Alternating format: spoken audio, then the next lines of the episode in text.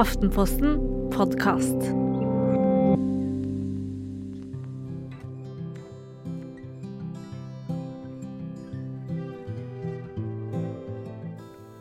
Alle vet det. Ganske mange har erfart det selv. Av og til koker det over. Likevel skriver du, Hedvig Montgomery, i en av spaltene dine i A-magasinet, at foreldres sinne er tabubelagt. Hva er det du mener med det? De aller fleste vet nå, og har det veldig godt inn under huden, at det å riste på barn, det å snakke så høyt og så hardt til barna at de eh, begynner å gråte, det å skremme barn med sitt eget sinne, det er ikke akkurat det du skal gjøre som forelder. Det å bevare roen, det å hjelpe videre, det å få situasjonen til å gå over, er det du skal. Og så er det situasjoner hvor enten du, eller enda mer sannsynlig partneren din, overhodet ikke får det til. Det er altså den følelsen du sitter igjen med etterpå. Det er virkelig ikke Er det du selv som, eh, som har tatt for hardt i baren og ristet det opp mot veggen, så kjenner du at det der der, det skulle jeg ikke ha gjort. Den der skammen over å være så ukontrollert er helt forferdelig. Og er det kjæresten din du har sett oppføre seg på den fullstendig idiotiske måten, så blir du jo sint. Hvordan kunne du? Og mot det fineste vi har, det er barna våre. Ja, har du lyst til å leve sammen med et sånt menneske? Nei, du har jo ikke det. Der og da så vil du jo bare ta med deg barna og dra. Dette er en så voldsom ting rett inn i det å være menneske, og det å være sammen, som får oss både til å være, forbedre oss, fordi det gjør det jo, men det får oss jo også noen ganger lyst til bare å gå og gjemme oss i skammens mørkeste krok. Men hvorfor er det tabubelagt? Fordi det ikke skal skje. Mm. og vi har nesten laget et sånt språk rundt at det skal bare ikke skje. Mm. Samtidig så må jeg vel si med hånden på hjertet at verken i min egen eller andres familie hvor jeg er nært inni, så er det helt kjemisk fritt for at det noen gang blir for sint. Men jeg tror nok de fleste har vel kjent på den derre sinnefølelsen. Så er det noen som har eh, høyere temperament kanskje fra naturens side, kortere lunte. Andre tåler kanskje mer. Når blir det i en familie et problem? Nå må jeg si at Det er lett å si at dette er med deg og din personlighet, men det er med mye mer enn som så å gjøre. Okay. Fordi sinne er en følelse som blir aktivert når du ikke har mer å gå på. Altså når det rett og slett ikke er mer igjen. Mm. Eh, så det er en på tampen av strikken-følelse. Og hva det er for noen ting som gjør at du er helt forstrukket, det kan være så veldig mye forskjellig. Ja. Det kan være ting som skjer på jobben, det kan være ting som uh, har skjedd uh, med venner, det kan være at du har sovet dårlig eller at du har sykdom. Det er så mange ting som kan gjøre at selv den mest tålmodige mennesket har ikke mer å gå på. Så ja, det, noen, noen, i noen familier er det større fakter enn i andre. Det er stort sett ikke det som er problemet her. Det som er problemet, er dette på tampen av strikken-sinnet det som kommer når eh, den voksne står der og blir sint på barnet sitt og føler seg egentlig underlegen barnet sitt. Ja. Ja, det er det sinnet som er problematisk. Mm. Fordi den voksne er aldri mindre enn barnet. Mm. Eh, så det er rett og slett, det blir ikke sant. Og det gjør det problematisk. Det gjør det forvirrende for barnet. Og det gjør at det blir på en måte enda mer uforståelig Mm. Også for den som har eh, stått der selv, eller den som ser på. Så ja, altså, noen familier har høyere temperatur. Barna blir veldig fort vant til, til sin egen familie. De, de, ser når det bare er damp som kommer ut. Øh, og det er ikke det som skremmer dem. Det som skremmer dem, er øh, når det er dette på tampen av strikken sinne. Kan du utdype litt mer hva du mener om på tampen av sine? Er det altså når fordi hva er det som skjer da, som gjør at det blir mer skummelt, da? Det er at når du føler at du er helt nedslitt, du ikke har mer enn å, å gå på, du føler deg liten, da begynner du å slåss nedenfra og opp. Altså du bruker Du biter oppover. Du føler at andre har mer enn det du har, og da bruker du også mye mer krefter. Du går mer over toppen. I noen familier så er det absolutt et problem med at dette sinnet blir en ikke bare noe som popper opp en sjelden gang og som må repareres etterpå, men det blir en melodi, det blir en gjentagelse, det blir noe som både den partner og barna går rundt og er redde for. Da eh, er det noe å jobbe med på familievernkontoret eller hos terapeut, eh, eller for den delen med deg selv.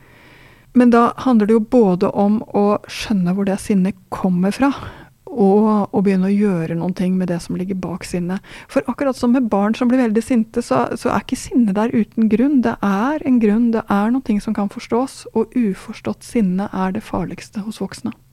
De fleste har jo et og annet utbrudd. Når er det du ser at det blir et mønster som kan være skadelig for barna og skadelig for familien? Når barn og eh, andre voksne gjentatte ganger blir skremt, Ja. rett og slett. Så det handler jo om, om, om eh, Er dette så vanskelig å forstå at det lager frykt? At da er det ikke ting å fortsette med. Det er ikke en farbar vei, og det gjør ikke at barnet får det trygt.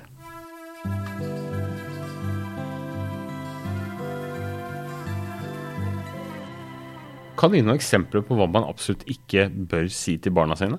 Eh, når du hamrer løs på barnet verbalt for at det er som det er Det er typisk deg at du aldri kan du. Hvorfor kan ikke du? Altså rett og slett lager en klandring for barnet for barn som, ting som barn ikke kan noe for.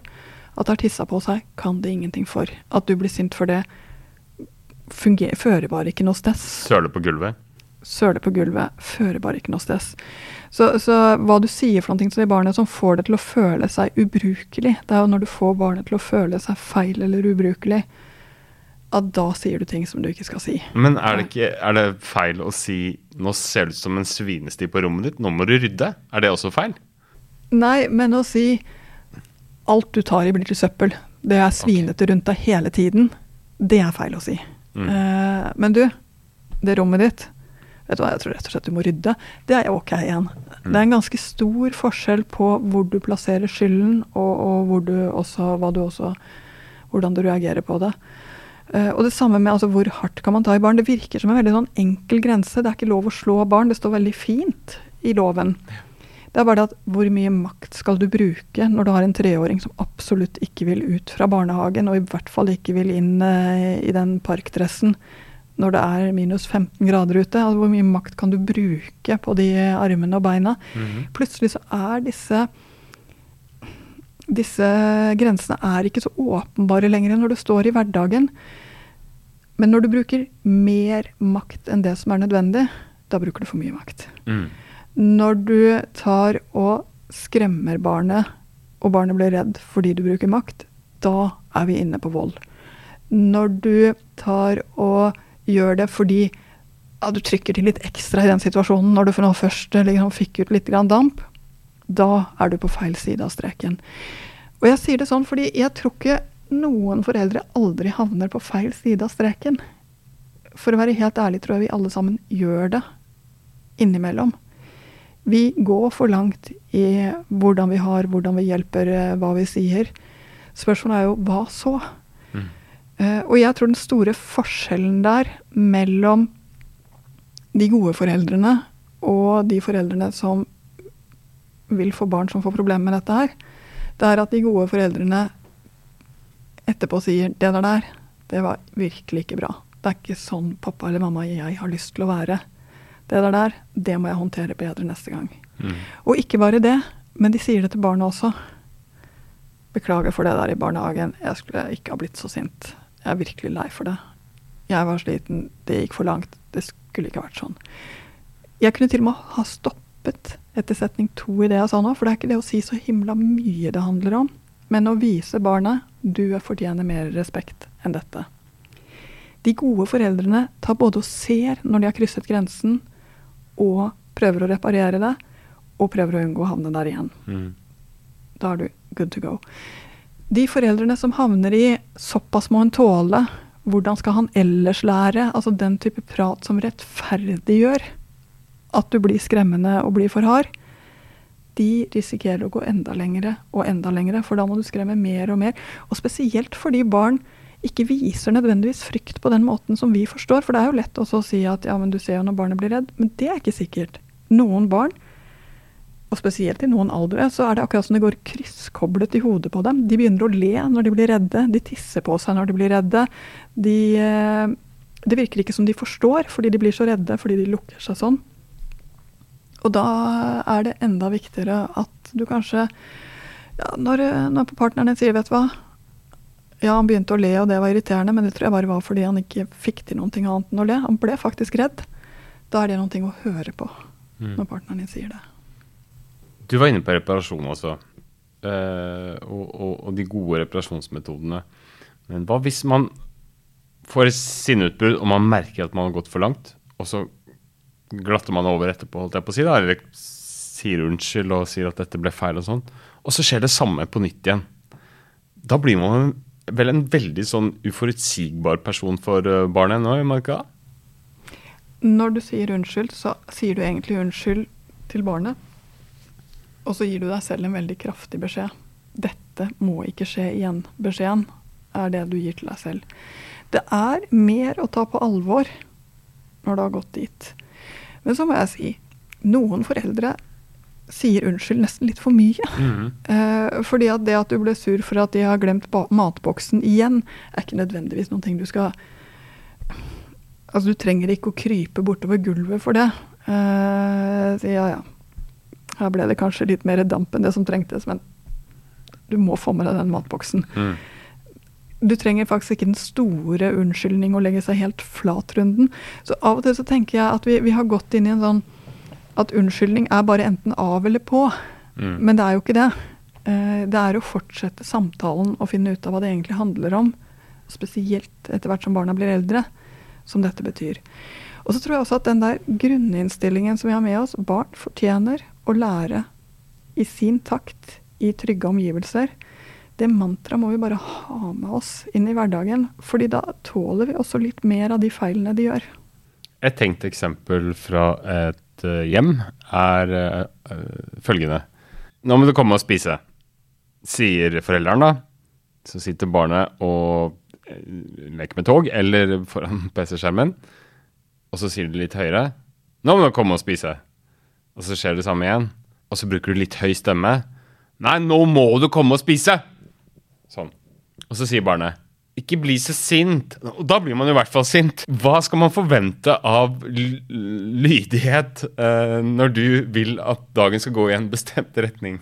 Si, det er et strålende eksempel. Jeg tror ikke det er mange barn som insisterer på å sitte og leke med toget sitt lenger, men det er mange barn som insisterer å sitte og fortsette litt til med det spillet de holder på på iPaden eller Xboxen. Det er ongoing business i de aller fleste hjem i dag. Og det er nesten helt umulig å få dem ut av det.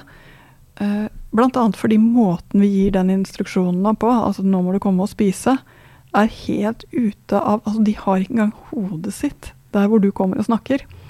Så det første er du må sørge for at de beskjedene du gir, faktisk går inn. Ja. Altså ned i øyenhøyde. Det nytter ikke å stå og rope fra et annet rom. Eh, du må gi den beskjeden på en måte som gjør at barna har mulighet til å skjønne 'Å ja, det er mat'. For det er dit du vil. 'Å ja, det er mat'. Så måten du gir beskjeden på, betyr mye. Når du må gjenta samme beskjed mange ganger, så er det stort sett så ligger hunden begravet i det at du har ikke fått gitt den på en måte som er mulig å ta imot for barnet. Ja, Men noen beskjeder må man kunne gi i et hjem og regne med at det, det må de høre på, da? Ja, eh, ganske mange, faktisk. Og du, bare tenk på det, hvor mange beskjeder du gir til et barn i løpet av en dag. Mm om å stå opp, om å kle på seg, om å spise, om å gå på do, om å ta på seg jakke. Om, altså Allerede før dere har kommet til barnehagen eller til skolen, så har du gitt så mange beskjeder til det barnet.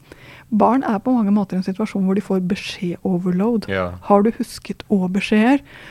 Jeg vet ikke hvor mange sånne jeg gir allerede før eh, dagen har begynt, nærmest mm. hjemme hos oss. Og ja, på et eller annet tidspunkt så går barna i shutdown. Det er ikke mer å ta inn med. De har rett og slett en begrenset kapasitet. Så det er det ene. Rett og slett skjønn at når du gir beskjeder, så er det ikke sånn at du kan forvente at det alltid går inn. Veldig ofte så gjør det ikke det. Det andre det er at når noen sitter midt inne i noen ting som kjennes enda viktigere ut enn å spise, så gjør de faktisk sin egen vurdering. Mm. Okay. Det vil si at beskjeder som 'Å, er du midt inne i noen ting?' Jeg vet hvor lenge har du igjen fordi maten blir kald, gjør at det plutselig er det er oss, det er du og jeg sammen Og middagen er tross alt en fellesarena. Det er ikke en kommandoarena. Gjør det også mye lettere å få det til. Så det er mange sånne små ting å se på. Hvordan kan du få noen ting som ikke havner i den der gi beskjed for femte gang og ingen hører etter-situasjonen. Hvis det er grunntonen, se litt på hva som egentlig skjer i disse situasjonene, og finn andre måter å gå inn i dem på. Det andre det er, pass på at du ikke står der og er skrubbsulten selv i denne situasjonen. Som småbarnsforelder er det ansvarlig å spise av lasset mens man lager middagen. Hedvig, eh, er det typisk menn å være sint? Altså, jeg tror nok at det er en viss forskjell i hvordan man uttrykker sin frustrasjon og sitt sinne jevnt over mellom menn og kvinner. Eh, og jeg tror nok mange menn kan lettere virke sinte og skremmende bare fordi de rent fysisk er større. Samtidig må jeg bare si jeg ser massevis av kvinner på kontoret mitt som sliter med akkurat dette. Så jeg tror ikke at det er så stor forskjell på kvinner og menn, selv om menn faktisk litt lettere pga. Eh, testosteronsnivåer kan gå i en kampmodus. Men når du blir pappa, de fleste er voksne nok til å, til å ha lært seg å håndtere den kraften som dette sinnet er. Så jeg vet faktisk ikke. Jeg ser at det gjelder både kvinner og menn. Og jeg ser også at noe av det som kanskje gjør det verre for menn, det er at de har kjærester som eh, anklager dem veldig fort. Mm -hmm. eh, fordi det er ikke bra. Og dessverre så er det jo også sånn at hvordan vi igjen vender og snur på det, det er veldig mange flere kvinner som hører podkaster, leser bøker, blir litt eksperter på dette her. Og da får man jo lyst til å lære opp den andre som ikke er på samme sted. Ja. Fortelle dem det man vet. Men kanskje kommer det ikke alltid så riktig ut. Blir belærende gjerne ofte òg, kanskje. Blir kanskje litt ovenfra og ned, og mm. blir kanskje heller ikke så respektfullt for den kjæresten som, som står der.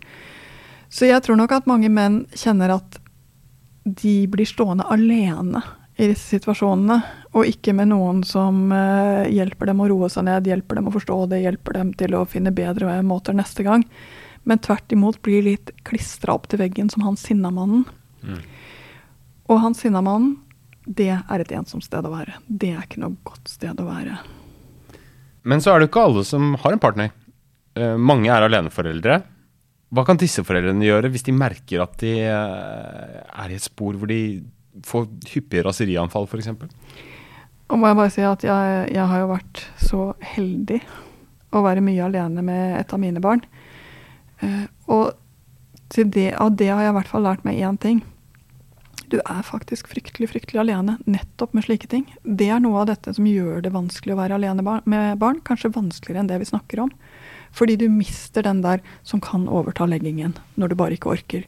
Du mister den ventilen som en medforelder er. Og det betyr faktisk at du må fungere enda bedre selv. Og at du i enda større grad må søke hjelp og ta imot hjelp når livet er for hardt. Mm. Men i motsatt fall, det er vel ikke noen farbar vei å være altfor gem og stryke medhårs og være mild og nesten litt tafatt og ettergivende heller. Nei, og det er jo det interessante, at blir du unnvikende, du tør ikke å, å si en ordentlig beskjed til barna Du, eh, det er fint om du helst men, men, det er ikke så farlig, altså. Men blir, det er veldig fint om Å ja, ja, du har det allerede. Akkurat, ja.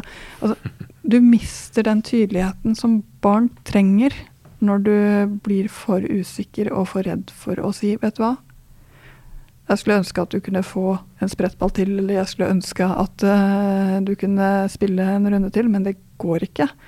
Altså, barn trenger lederskap. Og blir du for usikker, så blir det som hun sjefen eller han sjefen som aldri helt tydelig viser hva som, er, uh, hva som gjelder og hvilken retning dere jobber mot. Det blir rett og slett kjempevanskelig, og barnet sitter der og lurer på hva nå? Skal jeg finne ut av dette selv, liksom? Mm. Stiller kanskje ikke spørsmålet, men det er sånn det kjennes ut. Mm. Så nei, jeg øh, tror nok at som forelder så er det noen ting med å være klar over at du har en jobb som handler om å ha oversikt over dagen, oversikt over hva som skal skje. Ta de der sceneskiftene fra frokost til ut, fra barnehage eller skole og hjem. Fra øh, komme hjem og slappe av til middag Fra det til tannpuss og uh, disse hoppene som skjer, og helt inn i leggingen.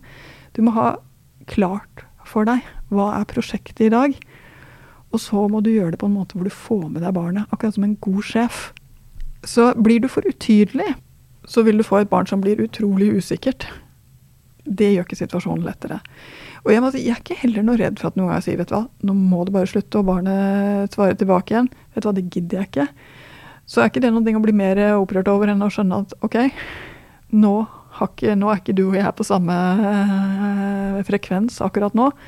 Det er fortsatt du som skal hente det inn igjen til den frekvensen. I uh, noens verden, bl.a. min, så går jo kanskje sinneutbrudd og utålmodighet hånd i hånd. Hva er triksene for å bli mer tålmodig, og da mindre oppfarende, kanskje? Ja, Det er et interessant spørsmål. Jeg sier noen ganger at det å ha barn er eh, et ganske langvarig mindfulness-kurs. Fordi ting tar den tiden det tar. Du må ned i øyenhøyde og se det fra barnets perspektiv. Som treåring, eller som syvåring, eller som 17-åring. Du blir rett og slett etter hvert en mester på å skjønne hva som er mulig ut fra den du står der sammen med, ikke bare ut fra hva du selv har lyst på. Og det tror jeg kanskje er det beste å jobbe med, og jeg gjør det fortsatt hele tiden selv. Ja, der hvor du er akkurat nå, så er dette det beste vi får til. Og om to år så er vi kommet mye lengre. Hvis jeg skal ha som et prosjekt å bli tydelig og god og stabil uten å være oppfarende og få sånne sinneutbrudd, hva er de beste triksene da? Det er, det er faktisk en del, en liten sånn sjekkpunktliste mm -hmm. å gå gjennom. Det ene det er å skjønne hva det er for noen ting dere dealer med som familie akkurat nå. Hvor mye dere har å stå i, hvor gamle barna er, hva prosjektet er. Rett og slett skaff deg litt oversikt. Det andre det er skaff deg oversikt sånn at du ikke er helt utslitt i ditt eget liv. Eh, sliter du med jobben, sliter du med økonomien. Som foreldre må du ta mer tak i det som tapper deg, for å tette igjen de hullene enn det du trenger hvis du ikke har barn. Fordi det går for mye utover barna når du blir tappa eller utslitt. Det tredje det er at vi har med oss mønstre alle sammen. Det er klart vi har det. For hvordan vi ble kjefta på selv, for hva som var tolerert. I noen familier er det å, å skitne seg til det verste som kan skje. I andre familier så er det å, å spise med åpen munn er krise. Altså det er så forskjellige ting. Hva det er for noe som, eh, som lager disse utbruddene jeg tror vi alle sammen har godt av å ta gå den lille runden med hvor kommer dette fra, trenger jeg å bli så sint for dette? Uh, hvordan føltes selv ut da jeg var barn, og dette var den melodien som gikk hver eneste middag. Det er litt sånn blikk på seg selv. Og er man så heldig at man har to, så, så kan det faktisk hjelpe litt å, å si vet du hva, det der minner meg om. Altså rett og slett si det høyt til noen. Gjør det mye, mye mer sant og mye mer riktig. Fjerde punktet. Oi det er å gå gjennom hva kunne jeg gjort istedenfor.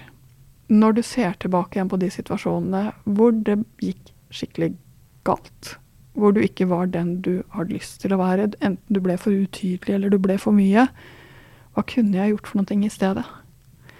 Dette lille spørsmålet her, hva kunne jeg gjort i stedet, er et, en nøkkelsetning for å fortsette å vokse, fortsette å bli bedre.